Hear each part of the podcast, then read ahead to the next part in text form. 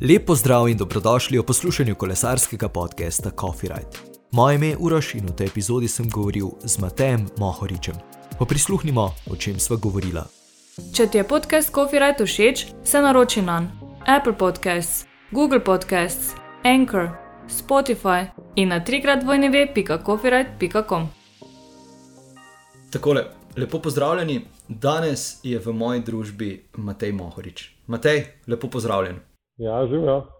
Ja, eh, sej človek eh, načeloma ne ve, kako naj te predstavi, ker, ker širša javnost eh, že pozna ogromno stvari o tebi. Ampak, če bi srečal nekoga na ulici, ki Mateja ne pozna, kako bi se mu predstavil, kaj bi rekel?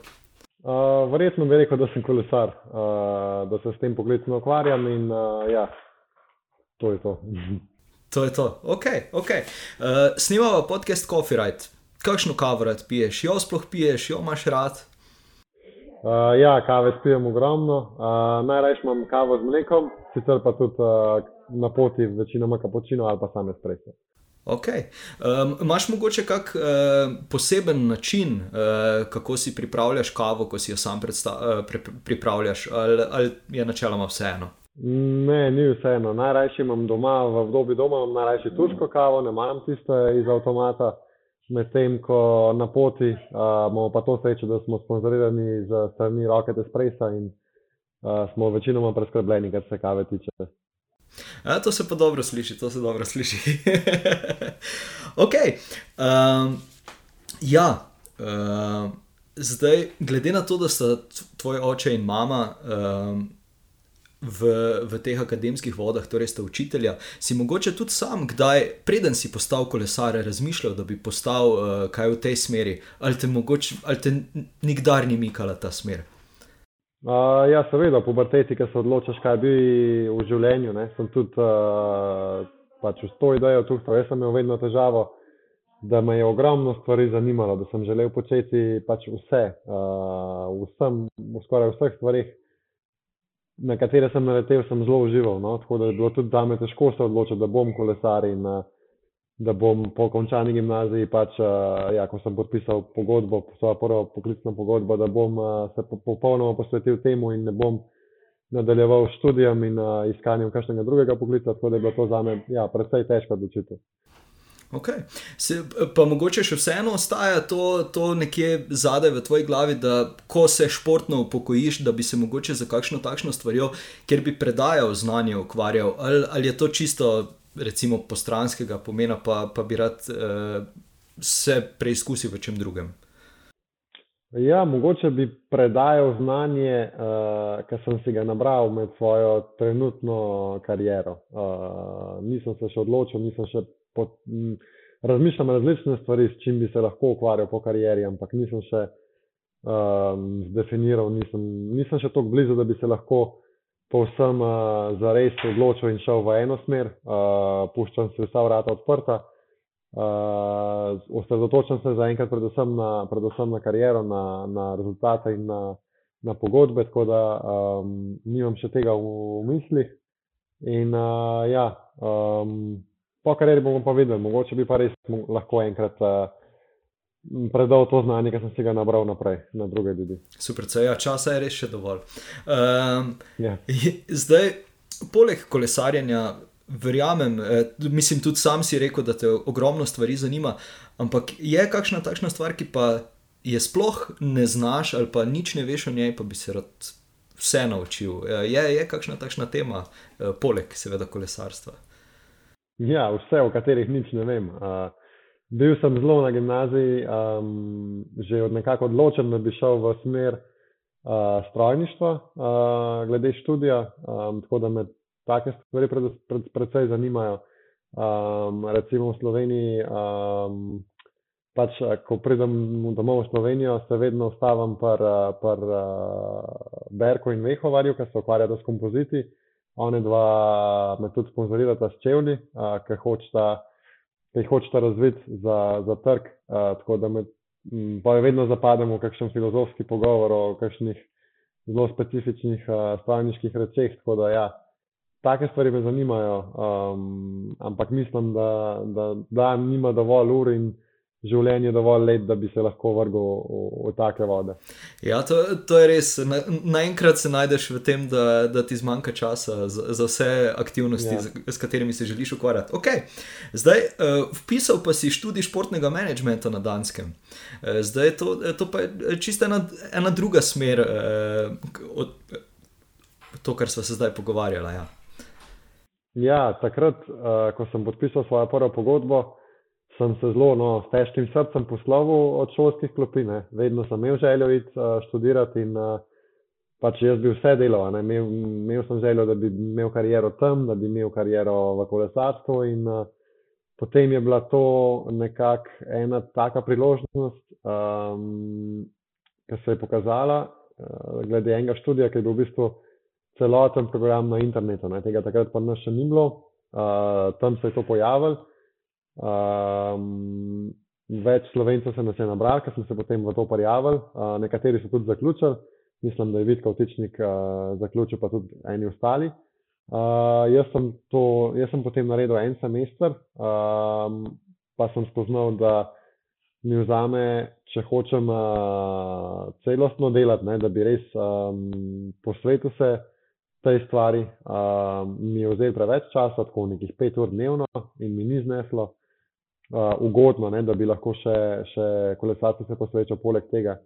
Um, da bi pa delal polovičarsko, me pa ni zanimalo. No. Res me ni, mi ni bilo samo to, da bi imel tisti papir, ampak če, če bi že delal, bi se želel tudi iz tega kaj naučiti, pa potem nekaj, nekaj znati na koncu študija, ne pa samo zato, da bi imel uh, stopno izobrazbe. Tako da sem potem uh, prenehal in zdaj se ne obračam nazaj. No. Uh, mislim, da tudi v prihodnosti ne bom se ne bom vrnil na fakulteto. Ah, ok, ok. Uh, ja, zdaj, zdaj ravno tukaj sem želel uh, potem navezati uh, temu dalje. Uh, v bistvu v, ka, v kakšni smeri športni management je bil, ampak ok, bova, bova to pustila. Uh, pa bom v bistvu postavil tole vprašanje: torej, raje treniraš ali raje dirkaš? Kaj ti je, kaj ti je ljubše? Uh, oboje mi je zelo ljubo, uh, ampak mislim, da še raje dirkam, kot treniram. Pač. Včasih sem raje treniral, ker sem imel malo bolj za noč, pa sem na nekaj strpel. Zdaj sem pa malo boljši, pa raje dirkam, kot treniram. Čeprav tudi, tudi treniram zelo, zelo. Okay, okay. Uh, v zadnjih mesecih je, je prišlo kar do nekaj sprememb, pa pravil, ki, jih je, ki jih je uh, uveljavil, uveljavil UCI.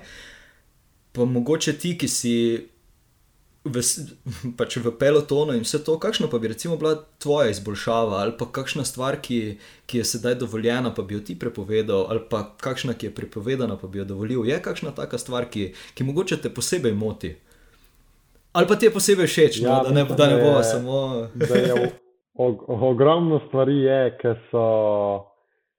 Ki jih mi vidimo, no, kot kolesari med sabo, da so na robe, pa bi jih drugače naredili pa določene stvari, ki so jih oni prepovedali, pa jih mi, pa jih mi absolutno ne bi.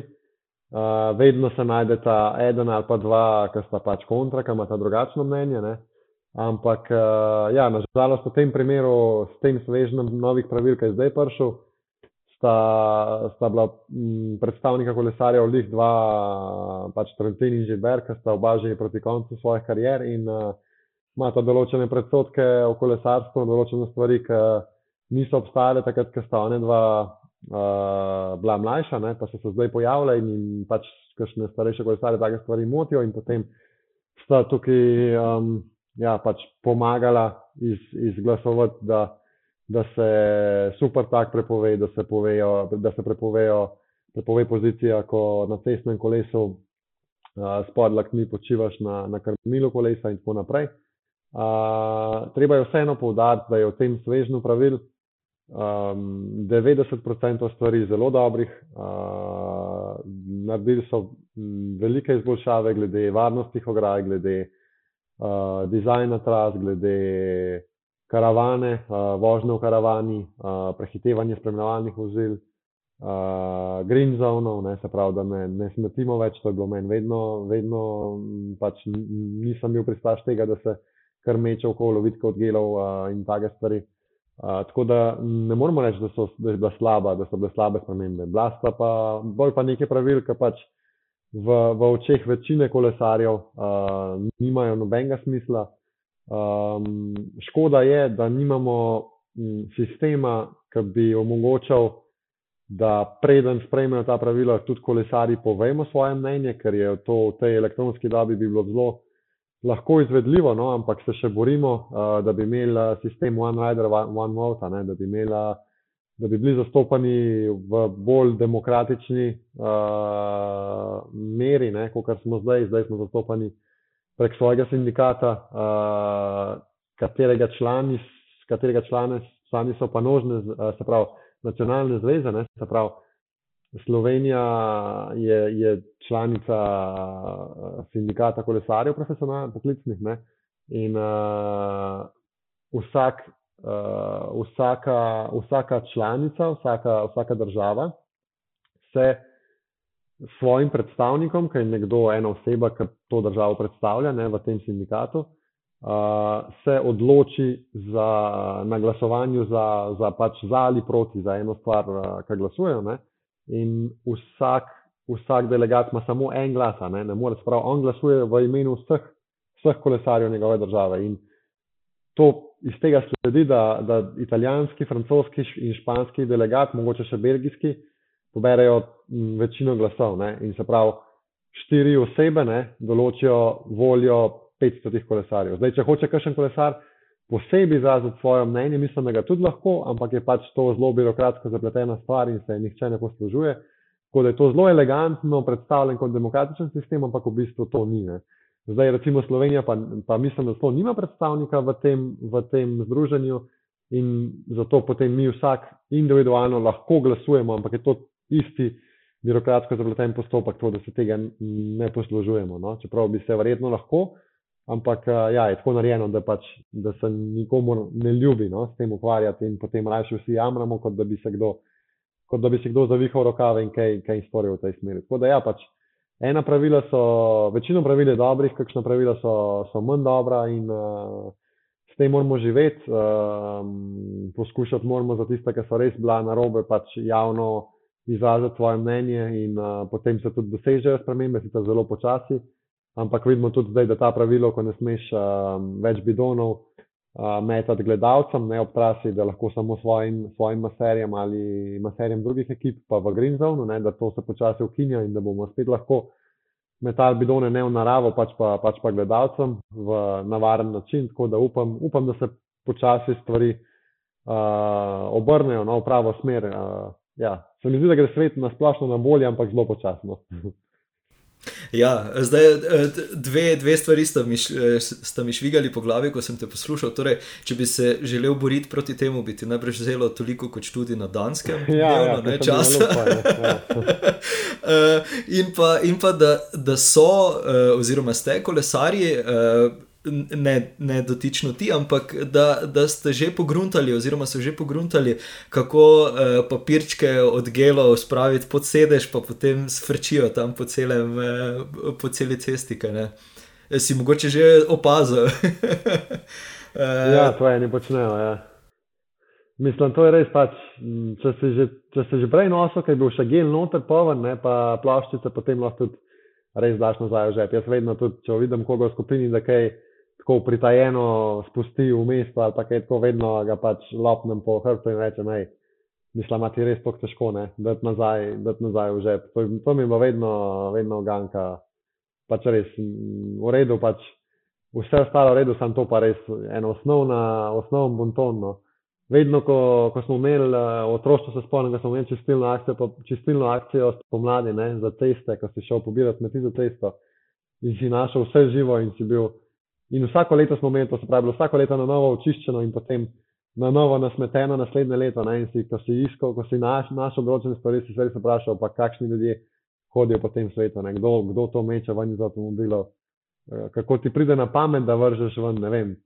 Uh, enkrat smo našli celo, celo zbirko zgoščenk, ne? enkrat smo našli uh, od piksen, od piva do vseh mogočih smeti. In to, da ljudje to mečejo ven iz avtomobilov, ali pa kolesari, pač ja, res to, se mi zdi, da ni to kulturno obnašanje. No. Absolutno, absolutno. Mogoče lahko tukaj apeliramo na vse. Uh, na vse amaterske ali pa, ali pa ljubiteljske kolesarje, ki, ki se mogoče olimpijsko počutijo, pa včasih odvržejo, kak, uh, kako vidite kot gela, da to pač ni. Ne spada na cesto. Uh, ok, uh, zdaj. Je kakšna stvar, mogoče, ki si se jo naučil ali pa priučil ali pa privadil med kolesarjenjem ali treniranjem kolesarjenja, jo pa jo zdaj dejansko prakticiraš v vsakem življenju, oziroma jo boš ohranil, ko, ko ne boš več profesionalno kolesaril, je kakšna takšna stvar. Mm, ne vem, na kakšno stvar ciljaš. Uh, uh... Mogoče, uh, mogoče kot kakšno karakterno lastnost ali pa, ali pa, ali pa kakšno dnevno rutino. Ali pa ja, ja, ja, ja verjetno je kakšna stvar. Uh, se mi zdi, da m, mm, mogoče karakterno najbolj nepopustljivo. Se pravi, da vedno uh, tako trdno zaupaš vase, um, da se vedno potrudiš najbolje, kar se lahko, in uh, rezultat pa prepustiš pač višji sili. Ne? Se pravi, m, mm, včasih sem se vedno primerjal z drugimi, pa sem vedno želel biti boljši ali pa tako dober kot oni, pa, pa potem, če sem bil kdaj boljši, sem bil zelo zadovoljen, da sem boljši in nisem to gledal na, na sebe. Se pravi, če sem jaz, ne vem, če so šli drugi na šmanet na 9 minut, pa sem šel jaz 8 minut, pa pol se mi je zdelo strašno fino in nisem stremel k temu, da bi šel jaz 8 minut 20. Ne? Uh, ali pa če sem šel, če so šli drugi 9 minut, pa sem šel jaz 9 minut, pa pol sem tuhtal, kako bi šel jaz uh, 9 minut. Ne? Nisem tuhtal, kako bi jaz sebe izboljšal, ampak sem se primerjal preveč z drugimi. Zdaj pa vedno na dirkah pač mm, sprejmeš dejstvo, da, da tisto, kar delajo drugi, ni, ni, ni pod tvojo kontrolo ne, in želiš sam, sam sebe pač gnati do, do, do svojih meja. Ne. Se pravi, mm, če se ti potrudiš, pa daš vse od sebe, uh, se mi zdi, da si potem lahko miren. Tudi če rezultat ni temu primeren, da, pač, uh, da je to tvoj domet in da se s tem sprijazniš in si vesel in ponosen na, na, na svoje doseženje. Uh, se mi zdi, da je to nekako pot do ja, najboljšega možnega uspeha. Ker če si ti dejansko vse za, za, za nekaj naredil, ne, pa potem nisi uspel, pač potem to ni, ni v tvojem dometu, ne, ni vsak za vse. Uh, in uh, ja, mogoče ta nepopustljivost, no, res, da si res tako odločen, da boš dal vse od sebe, da potem to izpelješ, ta, ta plan. Um, Kar se pa tiče drugih stvari, pa ne vem, marsikaj sem se navadil, uh, tudi čez svojo kariero, marsikaj so me navadili kolegi uh, v ekipah ali pa drugi prijatelji iz kolesarstva. Tako da, ja, tudi samo pitje kave sem včasih bil zaprisežen, ne pivec kave, pa potem, ko sem enkrat postal poklicni kolesar, se je to naglo spremenilo. Tako da, ja, uh, velike take stvari, ki te za večno zaznamujejo. No, ampak ja, moram reči, da je kolesarstvo zelo velik del mojega življenja, tako da verjetno je večino uh, tistega, kar mi je dalo okolje, uh, nekako povezan s kolesarstvom. Super, odlično. odlično. Uh, zdaj, ko sem, uh, ko sem iskal teme, iskal vprašanja, uh, sem naletel na, na enega izmed tvojih prvih intervjujev, v katerem si uh, omenil, da je tvoj velik vzornik uh, bil ali je Bradley Wiggins. Pa me zdaj zanima, so se po teh letih eh, ideali spremenili, oziroma s, kjer, s katero kvaliteto te je takrat prepričal? Uh, to so vedno tako neumno, nehvaležno vprašanje, ki te vprašajo in ne, ne vprašajo naprej. Ne vprašajo tisti trenutek in jaz pač verjetno takrat sploh nisem baš sledil, ne, to je bilo 2012, verjetno če bi bil Bradley Wiggins. Ne. In, uh, in potem neki mm, bluzne šlo tistega, ker je tak, tisti trenutek popularen res pač nimam uh, močnih ozornikov v življenju. No? Uh, jaz se trudim biti najboljša verzija samega sebe. Uh, zavedam se, da ima vsak človek, drugače ne bi bil tukaj, dobre pa slabe lastnosti. Ne? In uh, vedno poskušam kopirati dobro od vseh, ki jih poznam, pa, pa ne ponavljati tistega, kar, imajo, kar mi ni všeč, pa njih. In uh, težko, nehvaležno je spraševati, po kom se zgleduješ, ker je bil Bradley Wiggins takrat uh, za me kot uh, mladega, naivnega kolesarja uh, idol ne, v tistem, tistih 30 sekundah, ki sem imel časa za premislek ne, v, pri odgovoru na vprašanje. Danes pa pač vse je faca, pa vse, ne, pa smešen, pa duhovit, pa taka. Ne. Pa veliko ve o kolesarstvu, sam pač ja, ni, ni več moj idol. Uh, jaz pač si ne želim biti uh, komentator na Eurošportu po karieri, uh, pač gledati kot en uh, rokoborc, ne, uh, vas potetoviran, uh, pa modna ikona, ne. Ampak imam pač druge vrednote, in, ampak ga spoštujem kot človeka in uh, zmagal je dirka po Franciji, dosegel je veliko drugega, dobrega v kolesarstvu, ampak uh, ja, pač njegove vrednote niso moje vrednote in uh, jaz stremim k, k drugačnim ciljem. Um, pa tudi za pokarijeri imam, imam pač drugačne cilje in v življenju nasploh drugačne drugačne vrednote. Super, super. Sem, sem nekako pričakoval, da, da bo takšen odgovor, eh, eh, ker, ker je res eh, minilo dovolj let, da, da, ja. da, da čisto drugače gledaš na, na, na te stvari. Recimo, no. Takrat, ko si star 18 let, je, ja, si, si bolj. Uh, Bolj se ti zdi, ja, da moš uh, odgovoriti na tako vprašanje s kakšno popularno izjavo, kot da bi Raz, takrat še verjetno sploh nimaš razčiščeno čez dobro, kak so, kakšne so tvoje vrednote, to spoznaš skozi leta. Ne, uh, ne bom rekel, da sem star, tam pač deset let več pa imam kot sem izmislil. Modrejši, modrejši. ja, modrejši, bolj izkušen. Uh, zdaj, glede na to, da si, da si pa sedaj že odvozil vse, vse tri Grand Toure oziroma uh, sodeloval na njih, kateri, katerega, če bi te Ja, spet, spet eno takih vprašanj. Torej, katerega, če bi te ob 12. po noči zbudili, bi izbral izmed teh treh? Torej, Tour, Giro ali Vuelto? Ne, to pa je lahko vprašanje. Giro bi izbral. Giro mi je najbolj všeč od, od teh treh. Uh, čeprav imam na splošno grem torej zelo, zelo rad, sem zelo pri srcu, tudi zaradi, uh, verjetno zaradi lastne fiziologije, kako je moj telo narejen. Uh, pač jaz res uh, drug teden in tretji teden Grand Tour, to je meni najljubše dirkanje, ne? Uh, ker uh, ne vem, vedno, ne glede na vse, uh, se vedno zgodi, če le ni kakšen hud, hud padec ali pa da sem res hodil poškraban ali pa da res bolim, uh, vedno res začnem uživati, no? uh, se začnem počutiti res odlično na kolesu. Uh, očitno pač dobro pridem k sebi, tudi nisem, ne vozim nikoli na skupni seštevek, ker ga mi ni treba vsak dan duše spustiti ne, uh, na vsak klan, ki lahko tudi daj počas gor. Tako da ja, pač potem tiste, tisti pobegi v drugem in tretjem tednu mi res ležijo in, in uh, res polno uživam na no, ta dirkanje, ker se potem tudi cel peloton se umiri. Ne. V drugem in tretjem tednu grem torej dirkanje povsem drugačno kot na kateri koli drugi dirki. Tudi ne samo enodnevni, kaj šele, ne samo etapni, kaj šele enodnevni. Ne. Se pravi, že na etapni dirki je v zadnjih etapah dirkanje bolj sproščeno kot na enodnevnih dirkah, ne, ker vsak najde svoje mesto, vsak ve že nekako, kako je v primerjavi z drugimi, kje lahko, kje raj pusti, ne, uh, kje raj šlačuje z močmi, včasih je kakšen že utrujen, medtem ko na Grand Touru pa to res eksponentno drugačno. Uh, vsak že točno ve, kje je njegovo mesto do, do zadnjega.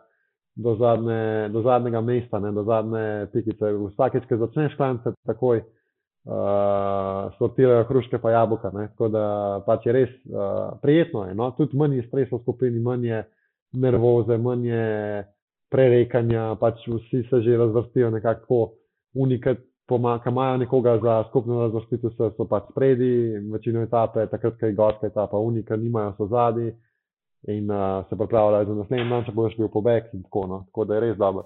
Super, super. Zdaj, eh, O tvojem pacu je bilo razloženega že eh, ogromno, ogromno, eh, tudi sam si povedal vse to, ampak bom raje tako vprašal. Eh, verjamem, da je, bilo, da je bilo kar težko spremljati eh, tisto slovensko etapo, ko, ko se je zbralo toliko, toliko ljudi ob cesti. Eh, Ti pa si, uh, glede na to, da pač na koncu vseeno nisi utrpel kakšnih hudih poškodb, uh, vseeno moral, uh, moral preko televizije to spremljati. Uh, ja, se v bistvu tukaj sploh nimam vprašanja, ker verjamem, da, da, da, da ni bil dober občutek no, sedeti na kavču in tega gledati. Ja, pač. Uh... To je bil že drugi Grand Tour, da sem mogel prej oditi uh, domov. Uh, že drugi Grand Tour, da nisem dosegel drugega tedna, ne? pa tretjega tedna, ki mi najbolj všeč v celem letu. Ne? In uh, res, je, res je pač neugodna situacija. Ne? Uh, poleg tega sem bil res vrhunsko pripravljen, uh, počutil sem se odlično in uh, sem z nestrpnostjo čakal na kakšno etapo pač v drugem in tretjem tednu, kjer bi lahko pokazal uh, kjer bi lahko šel v Bejk in užival in sem imel fino in pokazal, pač mogoče naredil dober rezultat. Ne. Tudi tista slovenska etapa med drugimi ne, je bila pač zelo pisana na mojo kožo. In, uh, pač, ko po televiziji gledaš uh, razplet dirke in ko veš, ker si pa vseeno dirko devet dni s temi istimi fanti ne, in ko veš, da tega sem boljši, tega sem tam stresel, tega sem tam stresel, ta je tam, a ne. Pač je res težko in potem ti fanti zmagujejo in ti si doma in si pač tako, ok, whatever. Ne. In ja, pač upam, no, da bo na turu uh, drugače, da bom, uh, da bom uspel priti do vsaj do drugega, pa do tretjega tedna, no, da, uh, da se uspem kdaj boriti za etapno zmago. No. Ker uh, ja, tisto na turu mi še manjka. Mogoče pa pač usoda tako hotela in mi bo pa na turu, ne vem, bom pa imel več sreče. Tako je, tako je. Zdaj, uh, upam, da ne bo zdaj to zvenelo, kot da te, kot da te vlečem uh, za jezik ali pa karkoli, verjamem, da ne. Uh, ampak leta 2013 v intervjuju ne, si, si dal tudi eno super izjavo. In sicer, če pride ta oprema na dirke, bo nekaj več prevozov z reševalnim vozilom. In, in navezuje se ravno na disk zavore, ki si jih takrat bojda prvič preizkusil. Uh... Ja, to je zdaj meni težko komentirati, ne? ker je pač kolesarska industrija mm, se je pač odločila, da bi zavore bodo na testnih kolesih in uh, tukaj ni več pač zdaj dileme, ali bojo ali ne bojo, ali so boljše ali so slabše, pač so in uh, tako je. Uh, občutek zaviranja je boljši. Uh, za običajno zmerno vožnjo so, so bolj zanesljive, boljšo modulacijo imajo, boljši občutek, no, predvsem boljši občutek. Uh, v mokrem uh, zavirajo takoj, brez da se, brez da se prej uh, očistijo vode, kot je treba na obročih, ne, na, na rimbreks. Uh, počakati par milisekund, preden se preden zagrabi. Ne. In uh, ja, to je to. Zdaj, debata je neskončna. Uh, ljudje verjetno slutijo, tisti, ki se malo bolj poznajo, verjetno slutijo, kakšno je mnenje večine poklicnih kolesarjev glede tega. In, uh, ja, pač ne vem, kaj ne rečem. Uh, lahko, pač jaz, če bi lahko zbiral, ne bi, ne bi nikoli vozil disk za vore. Je pa res, da je, da je občutek boljši. Uh, sam performance pa meni absolutno ni, ni boljši. In, uh, ja, ampak uh, to, ko je, jaz. Uh, Razumem, da tudi pač določeni ljudje jim so jim bolj všeč, in uh, treba je to sprejeti in uh, pač s tem vedno naprej. Absolutno, to pa absolutno. Si drugače um, zelo nagnjen k temu, da, da, da, da si, ne vem kako bi našel boljšo besedo, ampak pica izlast pri opremi uh, ali načeloma pač. Uh, ne. ne. Jaz sem kar, ja, sem kar zelo natančen. No? Okay, okay. Tudi moj trening kolo je, po moje, če jih na koncu leta postavimo vrsto, ne, uh, pa pogledamo, kateri je lepšo, lepši negovan, glede na število prevoženih kilometrov, je moj kar, kar v redu. Sicer ga ne negujem sam, ampak ga odpeljem mehaniko, ne? ampak mi to veliko pomeni in uh, sem pogosto pri njem, sploh odkar so bliž zavore.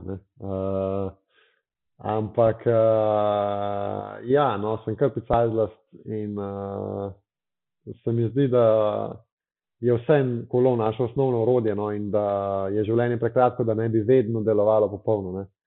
Tako da imam vedno tudi doma rezervno kolo, uh, tako da če eno ne deluje, uh, vzamem drugo in uh, ja, se trudim, da je vedno vse up to date, tako kot mora biti. Pa tudi uh, glede ostale opreme, pač vedno v ekipi testiramo, vedno poskušamo nove materijale in uh, se mi zdi, da imamo res, res dobro podporo ekipe in da smo vedno na vrhu z, glede materijalov. No? Da zaradi materijalov nihče še nikoli iz ki jih ni izgubil dirke. Super, super. Zdaj, eh, še, še mogoče malenkost o kolesu oziroma o, o, o opremi. Eh, omenil si na začetku, da sodeluješ eh, z Juretom Berkom. Je kak, kak kos opreme ali pa, ali pa kakšna komponenta, na katero si pa posebej, recim, ne bom rekel, navezan, ampak da, da, pa, da pa je res tista stvar, ki ti je mogoče najbolj všeč na kolesu ali pa na, na opremi, ki jo nosiš, ali pa najbolj pri srcu, ali pa, ali pa da si najbolj kaj pa vem, navezan na njo ali pa da mora najbolj biti v piko uh, urejena. Je kakšna takšna stvar? Uh, ja, v bistvu jaz sem že vedno, že od mladinca naprej, od mlajšega mladinca naprej, sem vedno kupoval in uh, nadgrajeval svoje obroče. Uh, obroče pa gume sem vedno, pač to je bila stvar, ki je najmanj stala, glede na to, koliko je izboljšala kolo. Ne? Ker včasih pač v manjših kategorijah nismo imeli najboljših koles, ampak jaz sem vedno stremel k temu, da sem imel zelo dobre obroče. Ne? In uh, obroče res naredijo, dajo karakter, dajo dušo kolesu. In, uh, Zamenjaš obroče, v bistvu je čist drugo kolo. Uh, veliko več boš naredil z obroči, kot uh, karkoli drugega, kar zamenjaš. Ne? Mogoče se sedeš, ok, ampak pač tam je bolj težava, oziroma bolj stvar fittinga. Uh, medtem ko obroči pa dejansko naredijo performance kolesa ali pa ga uničijo. In uh, ja, res. Tudi za trening sem vedno, vedno sem si želel imeti uh, dobre obroče za trening, uh, čim hitrejše in uh, hkrati vsaj približen zanesljive, ne, da nisi bil jih zdaj primoran se ustaviti nek na cesti. Ne. In uh, ja, no, mogoče obroči. Ok, super, super. Uh, zdaj govorila smo o dirkah, o treningih, verjamem, da je bilo tudi kar nekaj coffee rajdov. Je kak tak, ki, ki ti je posebej všeč, ki si ga že stokrat odvozil, pa bi ga še stokrat, ali pa mogoče kakšna trasa, ki si jo zgolj enkrat, pa ti je toliko stala v spominu, da bi se še z veseljem vrnil tja. Uh, zdaj, glede, jaz sem bolj pristaš, ful bolj sem všeč treningi kot coffee rajdi, zato ker Pa ne vedno, no, ampak v 90% primerov so mi fulž bolj všeč treningi, ker si vedno našpičen, vedno si pripravljen, vedno si spočit, ne, če je vse prav, vedno si, ja, eager for action. Medtem, kako si rajt, pri nas, pri poklicnih kolesarjih, si vedno predrt, ne, kad poče na začetce. In to je včasih ena sama muka, ne, in takrat, če sem doma, rajši sploh ne grem, ne, a, če sem pa pač na dirki ali pa v sklopu priprav, pa pač je treba iti, ne, in to če si predrt, res, uh, pač sploh včasih, ker sem bil mlajši, pa še malo manj izkušen, uh, res uh, imam slabše spomine na coffee ride kot na, kot na običajne treninge. Ampak uh, zdaj, ker sem že malo starejši, pa malo bolj uh, moder, pa včasih malo manj treniram, kot sem včasih bil skorjen, sem tudi v coffee ride začel uživati. Tako da ja. Uh, Mogoče zdaj v, da bi rekel, kje je moj najljubši coffee ride, bi rekel, da je imam najrajši pač v Monaku, ne, ker je res tista obaljna cesta lepa in na lep dan brez vetra, res lahko uživaš. Poleg tega je en kup prometa in semaforjev, kar te dobro zamot in tudi če si malo predrt, uh, hitreje mine, no, kot če si na eni ravni dolgi široke cesti, ki ni videti konca. Tako da ja, uh, tam res uživam. No. Uh, pa še morje zraven, sonce, tako je. Recimo uh, izbira Monaka uh, povezana kaj z, z preteklostjo, da so se tam kalili uh, v bistvu eni največjih kolesarjev, uh, da so blizu ja, neskončne ceste klancev in vsega ostalega, uh, ali, ali je mogoče kak drug vzgib bil, da si, da si se odločil, da bi pa, da bi pa čas preživljal tam? Ne, ne, to je bil čist popolnoma vidik. Tega, da je pač isko samo eno destinacijo, ker se da tudi po zim, pa čez večino leta dobro trenirati, uh, da je blizu letališča, da je dostopno z vseh strani. Uh, potem so tam še druge koristi, ko vse vemo, kakšne so. In uh, pač potem je Monako prevešeno nad vsemi drugimi destinacijami, bleso v igri še pač ne vem. Druge opcije, Švica, Avstrija, Hrvaška, sam pač ja. V Sloveniji, nažalost, uh, ja, nimamo take zakonodaje, ki bi nam omogočala, da bi pač po mojih vrednotah dajali mm, pravičen delež nazaj v družbo in pač je treba to iskati druge. In uh, jaz starajši, da mirno spim, pomagam uh, ljudem na druge načine, tako da tudi finančno, tako da pač ja, um, sem se odločil za ta korak. Hkrati mi to tudi logistično zelo streza. Uh, v Nici je ogromno letališče, pa pač tudi trening je čez celo leto tam zelo dober in konstanten mi ni žal, no, da sem se tako odločil in da sem se zdaj tudi navadil na, na tisto. Absolutno. Zdaj, uh, večkrat si omenil, da, da, da si se zelo hitro naučil italijansko, kako gre francoščina. ja, tukaj sem se potem malo bolj zelenil, ne, ampak uh, pogovorno jo znam, ampak nisem se pa še toliko imel volje uh, naučiti, da bi jo pa čisto unulo. Ne. Zato, ker je pač uh, jaz znam italijansko in angliško čist uh, pač skoraj kot materni jezik in uh, se vedno potem z ljudmi pogovarjam ali italijansko ali angliško. Ne, in to me potem ja, pač ovira tudi pri učenju francoščine. Če bi pa šel v francosko ekipo, bi se pa verjetno zelo hitro lahko naučil. Ne, ampak uh, ja, pač glede tega sem postal len. Razumem, ok. okay. Uh, Matej, pri koncu sva. Mogoče še kak uh, nasvet, kakšna misel, karkoli pade na pamet za poslušalce. Uh, ja, se mi zdi, da, da naj pač poslušalci, verjetno so vsi radi vozijo s kolesom in uh, jim res polagam na srce, da, uh, da naj uživajo v tem, da naj si res pač vsak dan je, se zgodi samo enkrat, samo enkrat smo tukaj, pa zdaj. Ne? Tako da je pač res, uh, ja, uživi vsak trenutek in, uh, in uh, sploh na kolesu, ne, tudi paste nase, nosite čelado, pa ne delite sad. Matej, najlepša hvala za ta pogovor. Ja, hvala tebi. Matej, še enkrat najlepša hvala, da si vzel čas za pogovor. Mi se ponovno slišimo prihodnji petek. Če želiš Copyright podpreti, odklikaj na www.copyright.com pošiljka Coffee Shop in z nakupom podpri delovanje podcasta.